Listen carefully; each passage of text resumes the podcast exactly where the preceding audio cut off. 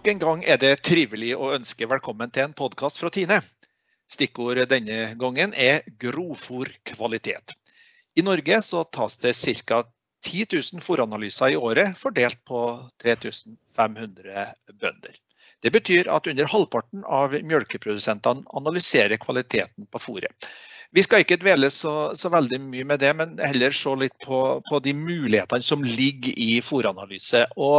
Anja Våg Skjold, du er jo fôringsrådgiver i Tine. og Skal vi aller først finne ut hva er egentlig fòranalyse? Eh, en fòranalyse sier noe om kvaliteten i fôret. Eh, han tar med energiinnhold, proteininnhold, gjæringskvalitet og fordøyelighet. Og er da et godt verktøy for å planlegge fôringen i besetningen. Dette som du nå nevnte opp er da den standardprøven, eh, så vidt jeg forstår. Men hva med eventuelt utvida prøve med andre, andre, ting som kan analyseres? Ja, NIR-analyse er jo det vi anbefaler. Eh, også hvis du er usikker på gjæringskvaliteten, så anbefaler vi i tillegg å ta en hygienisk analyse. Da må du sende inn to prøver. Um, og så anbefaler vi hvis du skal bruke det til sinkyr, eller hvis du har et eget fôr som du bruker til sinkyr, så anbefaler vi å ta en utvidet prøve med mineraler. Så det kommer jo i tillegg, da. Hvor utbredt er det å ta tilleggsprøver? Eh, veldig lite utbredt. Hva tenker du om det? Det er jo ikke så mange som har muligheten til å bruke et eget fôr til sin kyr. Og derfor så forsvinner vel kanskje òg behovet for den prøven. Men eh, samtidig så, så er det jo ei gruppe dyr som får veldig lite kraftfôr. Viktig å ha fokus på, på, mineraldekning. Så hvis vi skal liksom ta verden litt videre da, og bli litt bedre, så, så tror jeg at det, det burde vi vært bedre på. Det sier jo òg noe om gjødslingen og, og evaluere neste års gjødsling. Da har jeg lyst til å anrope Konsmo i Agder, for der eh, befinner du deg, Torbjørn Helle. Eh, mjølkebonde, god dag, god dag. God dag. Ja, Hvilken erfaring har du med, med selve prøvetakinga? For jeg vet at du har benytta deg av fòranalyser i, i, mange år. Ja, Det er jo veldig enkelt og greit. Eh, nå for tida så bruker jeg kraftfòrleverandøren som kommer og tar prøvene som regel. Av og til bruker jeg rådgiver i partiene. Det er sånn som det praktiske er fornuftig. Og det er de bestiller du i god tid, eller de, de, når du bruker de jevnlig, så, så, vet de at da kommer de eh, fire-fem-seks uker etter slått. Og, og, så viser du de lager med rundballer, og, og så tar du um, ut to-tre stikk av eh, to-tre rundballer. Eh, det er det jeg har ikke plansilo, jeg har bare rundballer. Ehm, og så sender de inn, og så får en svar. og ja, Så det er veldig enkelt praktisk å få til med hjelp av rådgiver.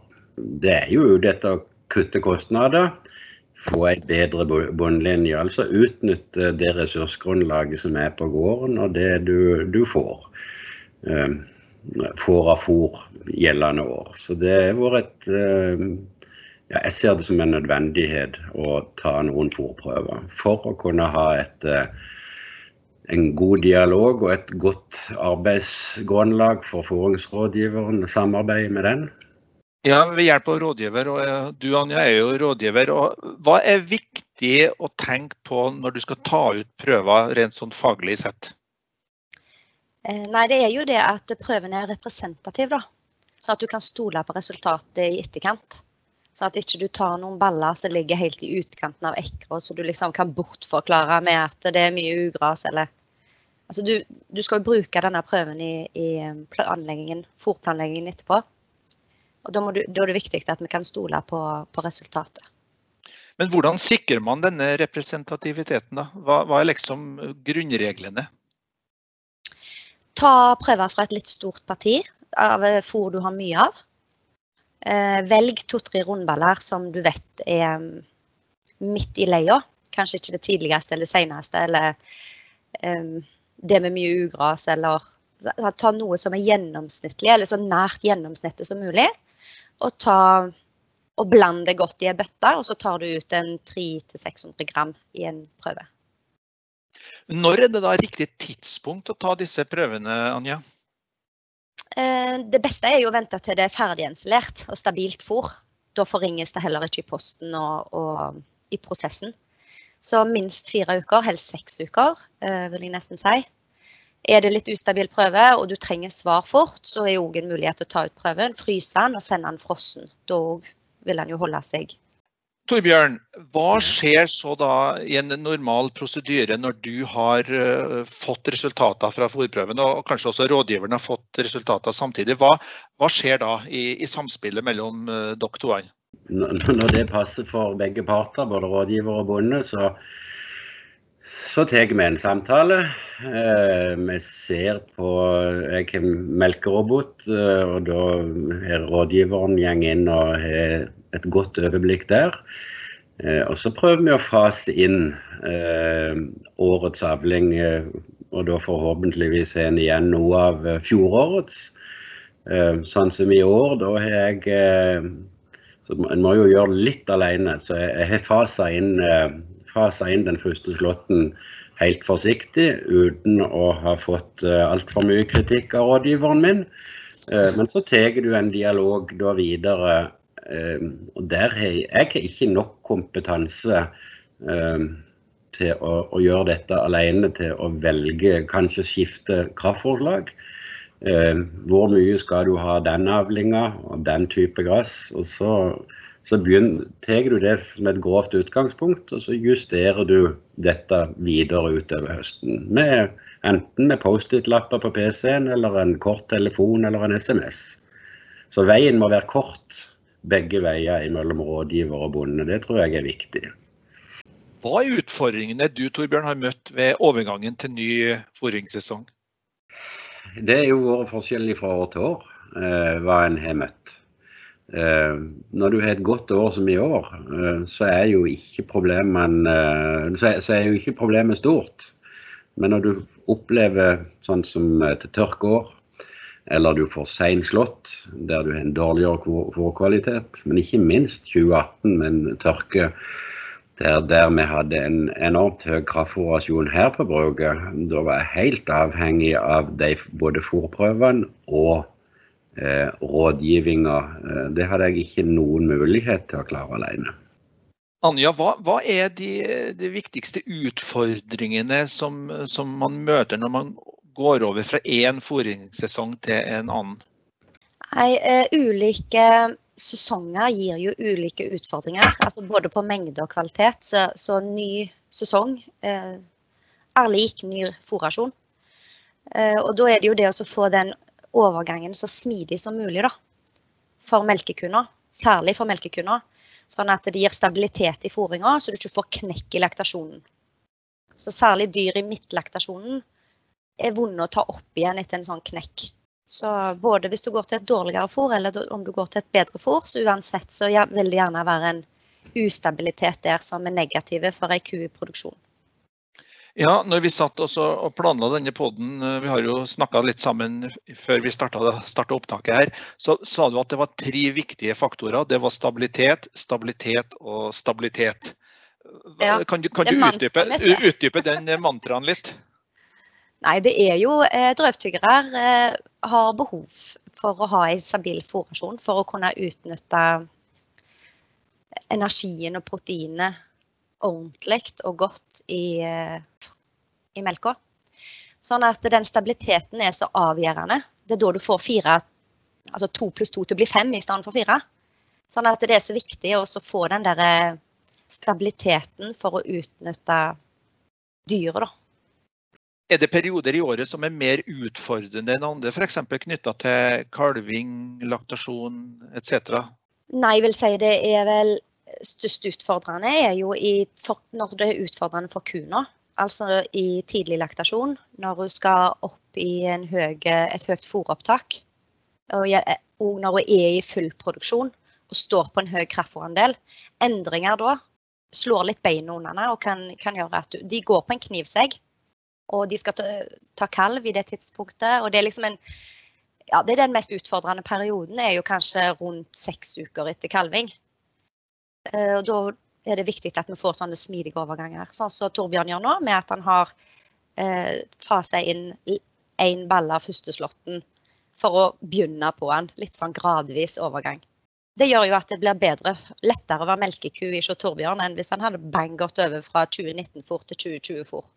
Fra den ene dagen til den andre. Men Torbjørn, hva slags type råd og bistand knytta til fôring er det du normalt etterspør? Du har jo vært litt inne på det i forhold til dette med kraftfôr. Er det andre, andre ting som du ofte spør om knytta til fôranalyser? Økonomien ligger jo i bunnen. Men for å få til ei god bunnlinje, så må, så må dyret fungere godt. Altså biologien der må stemme. Jeg er veldig glad i å prøve å få, å få med meg litt av eh, tørrstoffbetaling. Eh, så den vil jeg gjerne ha, men eh, samtidig så vil en jo en vil jo ha ja takk, begge deler. En vil jo fylle kvoten. Det å da ha en jevn, god kontakt der du, du, du, du er med og spisser i en eller annen retning, og så er det samtidig du, ser, Anja var inne på det litt tidligere, du, ser, legger litt grunnlaget for, for, for neste år òg, eh, når du tenker videre framover. Altså hvordan skal du gjødsle, hvordan skal du eh, um, til neste år, altså planlegging fram i tid. Skal du prøve på andre fòrslager? Skal du ha andre slåttetidspunkt? Det gjør at en prøver å være i en litt sånn kontinuerlig prosess. At en ikke bare ligger på sofaen på vinteren, men tenker litt på, på de tingene framover. Ja, Det snakkes jo mye om management, og du, du var jo inne på det her med, med planlegging framover, Torbjørn. hvordan kan fòranalyse være til hjelp eh, knytta opp mot managementet i, i melkeproduksjonen, Anja? Det å kunne bruke eh, riktig type fôr til rett dyregruppe eh, du, I mindre besetninger så er jo det vanskelig å gi et eget fôr kanskje til, til oksene eller til, til sinnkyrne, men i større besetninger så er det en mulighet. De har ulike behov, og derfor bør de ha annet eh, og ulikt grovfôr. Nytte grovfòrressursene optimalt over hele linja, sånn at en liksom har en plan i det. Da kan fòranalysene være til god hjelp for å for å legge, når du legger den planen. Da. Du kan òg være en mulighet til å fordele ulike kvaliteter i ulike tidspunkt. F.eks. hvis en har mange kalvinger på høsten, at du vil bruke det beste fôret ditt nå. Og så vil du kanskje ta det, det som har litt lavere kvalitet, eller litt dårligere smakelighet, eller litt dårligere gjæring, litt senere i laktasjonen. Eller hvis i forhold til kvote, som Torbjørn var inne på. Hvis du nå ligger litt dårlig an på kvote, men har veldig mange dyr som kalver inn til vinteren, så vil det være ufornuftig å kjøpe inn mye dyr. Men da vil du kanskje ha mulighet til å bruke det beste fôret ditt nå. Utnytte kvoten best mulig på denne sida av nyttår, og så spare det dårligste fôret til du har mye dyr og, og du kanskje ikke trenger den produksjonen på enkeltindividet. da. Nå vet vi jo at kvaliteten på fôret kan jo endre seg gjennom vinteren. Det er en ting eh, hva analysen viser når du tar en prøve i september. Så kan det jo skje ting med fôret gjennom eh, vinteren. Hva, hva, må da gjøres? Det jeg må følge med på, det, det er dyret. Jeg er kanskje rådgiveren sine øyne på den måten at jeg må, jeg må følge med dyret. Eh, hvilke signaler er det som gir eh, altså jeg kan, for, jeg kan, ikke forvente at en rådgiver skal være inne to ganger til dagen på PC-en og se er det noe som skjer. Eh, så jeg, jeg, jeg følger med daglig på det sjøl. Hvilke signaler er det du da ser etter, Torbjørn? Er det en dropp f.eks., så må jeg tenke er det naturlige årsaker til, den lille droppen.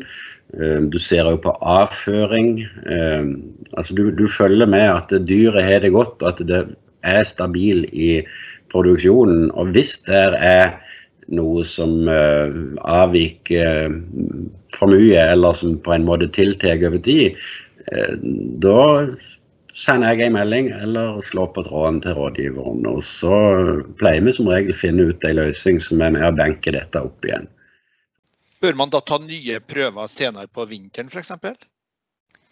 Ja, det er vel litt vanskelig å si. Vi skal ikke ta prøver bare for prøvene sin del heller. Men vi ser jo kanskje at det reduseres, og da bør vi uansett evaluere det. Og teori er jo uansett bare teori. Så vi må fortløpende evaluere det som skjer i fjøset. Vi, vi ser på gjødselskonsistens, på fôropptak, på hold, på hvordan dyr oppfører seg i fjøset. Har de god trafikk? Er de late? De, går de ofte til roboten? Har de god drøvtygging? Sånn at det er litt Vi har mange verktøy som vi bruker for å evaluere om, om ting fungerer sånn som det skal. Og noen ganger så vil det sikkert være fornuftig å ta nye analyser, men ofte klarer vi med å bruke de vi har, og bruke litt skjønn, og evaluere etter hvert. Det finnes jo nye utviklingstrekk, og det vil digitaliseres. og en del vil jo kanskje stille spørsmålet er det nødvendig med fòrprøver når det finnes utstyr der du kan skanne fôret og, og, få svar eh, direkte, Anja? Ja, Du tenker på den X-neren? Ja. Uh, ja. Den gir et raskt bilde av kvaliteten. Uh, det er en unge teknologi uh, som foreløpig gir kanskje et litt grovt resultat. Eh, men det er under utvikling og vil være et enda bedre verktøy eh, framover. Så i framtida så tror jeg jo det er mye vil gå på det, og at hver bonde kanskje har en sånn en i blandevogna eller i fòrhausteren eller pressa. Men uansett, det, den sier ingenting om gjæringskvaliteten. Han sier ingenting om ufordøyelig fiberandel. Og da sier han jo egentlig heller ingenting om energiinnholdet. Eh, men han sier om totalfiberen, han sier noe om protein, og sammen med lukt og smak, da, eh, og at du på en måte vurderer fôropptaket på det og smakeligheten sånn, så har du ofte et godt bilde av kvaliteten med å bruke X-Ned. Uh, og han er veldig fint til å vurdere ulike grovfòrkvaliteter på ulike skifter og, inn mot en innsendt prøve. Så vi bruker den veldig ofte sånn at kanskje en sender inn en representativ prøve av første slåtten, men så slo en noe både litt tidligere og litt seinere, og den skanner jeg, da for å liksom se hvor langt vekke, hvor raskt gikk utviklingen, hvor Da har du liksom eh, noe å kalibrere den mot når du har den der innsendte prøven. Og da er den veldig god. Det har vært gjort her noen ganger, og det, det er fascinerende teknikk som kommer. og jeg er helt enig med Anja. Dette, dette er nok en del av framtida. Eh, det er det ikke tvil om. Eh, vi, vi, ser det kommer på altså Maskinleverandørene har så smått begynt med det. og Så jeg tenker jo det er en Foreløpig er det kanskje bare et tillegg og, og, og fascinerende, men det er jo Det kommer mer og mer inn. Det er helt sikkert. Og så er det kanskje motiverende å se på noe nytt. Uh, det, det kanskje motiverer til å følge enda bedre med. Eh, hvis rådgiveren av og til det, det, kan ikke forvente at alle rådgivere skal ha sånn en, men, men har de den med, ja, det er en motivasjonsfaktor, tenker jeg. Eh, som jeg sa innledningsvis, så er det jo en mange som ikke tar fòranalyser. Og vi skal ikke være noen moralister i så måte. Men, men hva, hva, hva, tenker dere om at så mange ikke, ikke tar foranalyse? fòranalyser? Altså, Bøndene er forhåpentligvis et noenlunde snitt av befolkninga, de òg. Um, og så har vi veldig forskjell fra gård til gård uh, hvordan du tenker. og ja, Så blir det veldig ofte sånn er det noe, De som har begynt med det, de fortsetter med det for de ser en verdi. Jeg tenker jo at uh, alle, eller veldig mange, og kanskje mange flere, ville ha god nytte av det selv om de føler de driver en god produksjon og får en god bunnlinje, så tenker jeg det er ikke de store, det er ikke, det er ikke de store utgiftene å teste og se om de kanskje kan få et enda bedre resultat. Òg for å spare kunstgjødsel året etterpå. For å få mer volum eller mer fett eller protein. Så ja. Jeg er jo fôringsrådgiver, så jeg jeg syns jo at, eh, at, analysen er et uh, veldig viktig verktøy og utgangspunkt for uh, fòrplanlegginga på gården. Og jo mer ytterpunkt du har av kvaliteter, jo viktigere er det kanskje å ta, ta fòrprøver. Altså hvis du har veldig grovt eller dårlig fôr, så er det viktig å ta, ta prøver for å, å komplementere det gjennom kraftfôret. Eller kjøpe fôr, eller sånn. Eh, mens har du òg et veldig godt fôr, så klarer en sjelden å se hvor godt det er, før en faktisk har tapt mye penger da, med å gitt for mye kraftfôr og de er smellfeite. Så det er noe med at en får gjort rette grep til, til riktig tid. Og, og det bidrar positivt på bunnlinja, da. Men Torbjørn, er du sikker på at eh, de kostnadene som ligger med en forprøve, da, altså det her er jo en utgift til inntektservervelse, som det heter på, på en gamle formulering. Er du sikker på at du, at du tjener inn her? Ja. Det, jeg, det kan jeg dokumentere. Eh, så det, det, det, er ikke bare et utsagn. Eh, altså de, de, utgiftene jeg har, det jeg bruker på å kjøpe den kompetansen jeg kan si, eh, altså med hjelp av en rådgiver og da bruke det verktøyet med å ta en fòrprøve, det, det, det, ser jeg i Jeg får ikke bare igjen utgiften, men jeg får òg igjen mer eh, til meg sjøl. Det, uh, det, er helt udiskutabelt. Kanskje det kan være en, en grei avrunding på denne podden. Takk skal du ha, Torbjørn Helle, mjølkeprodusent i Konsmo Jagder. Og takk til deg, Anja Vågskjold, foringsrådgiver i Tine. Og da er det kanskje greit da helt på tampen her å oppfordre dere som hører på, til å fortsette å sende inn prøver. Og har du ikke gjort det så langt, så er det fortsatt en uh, mulighet. Takk for at du hørte på.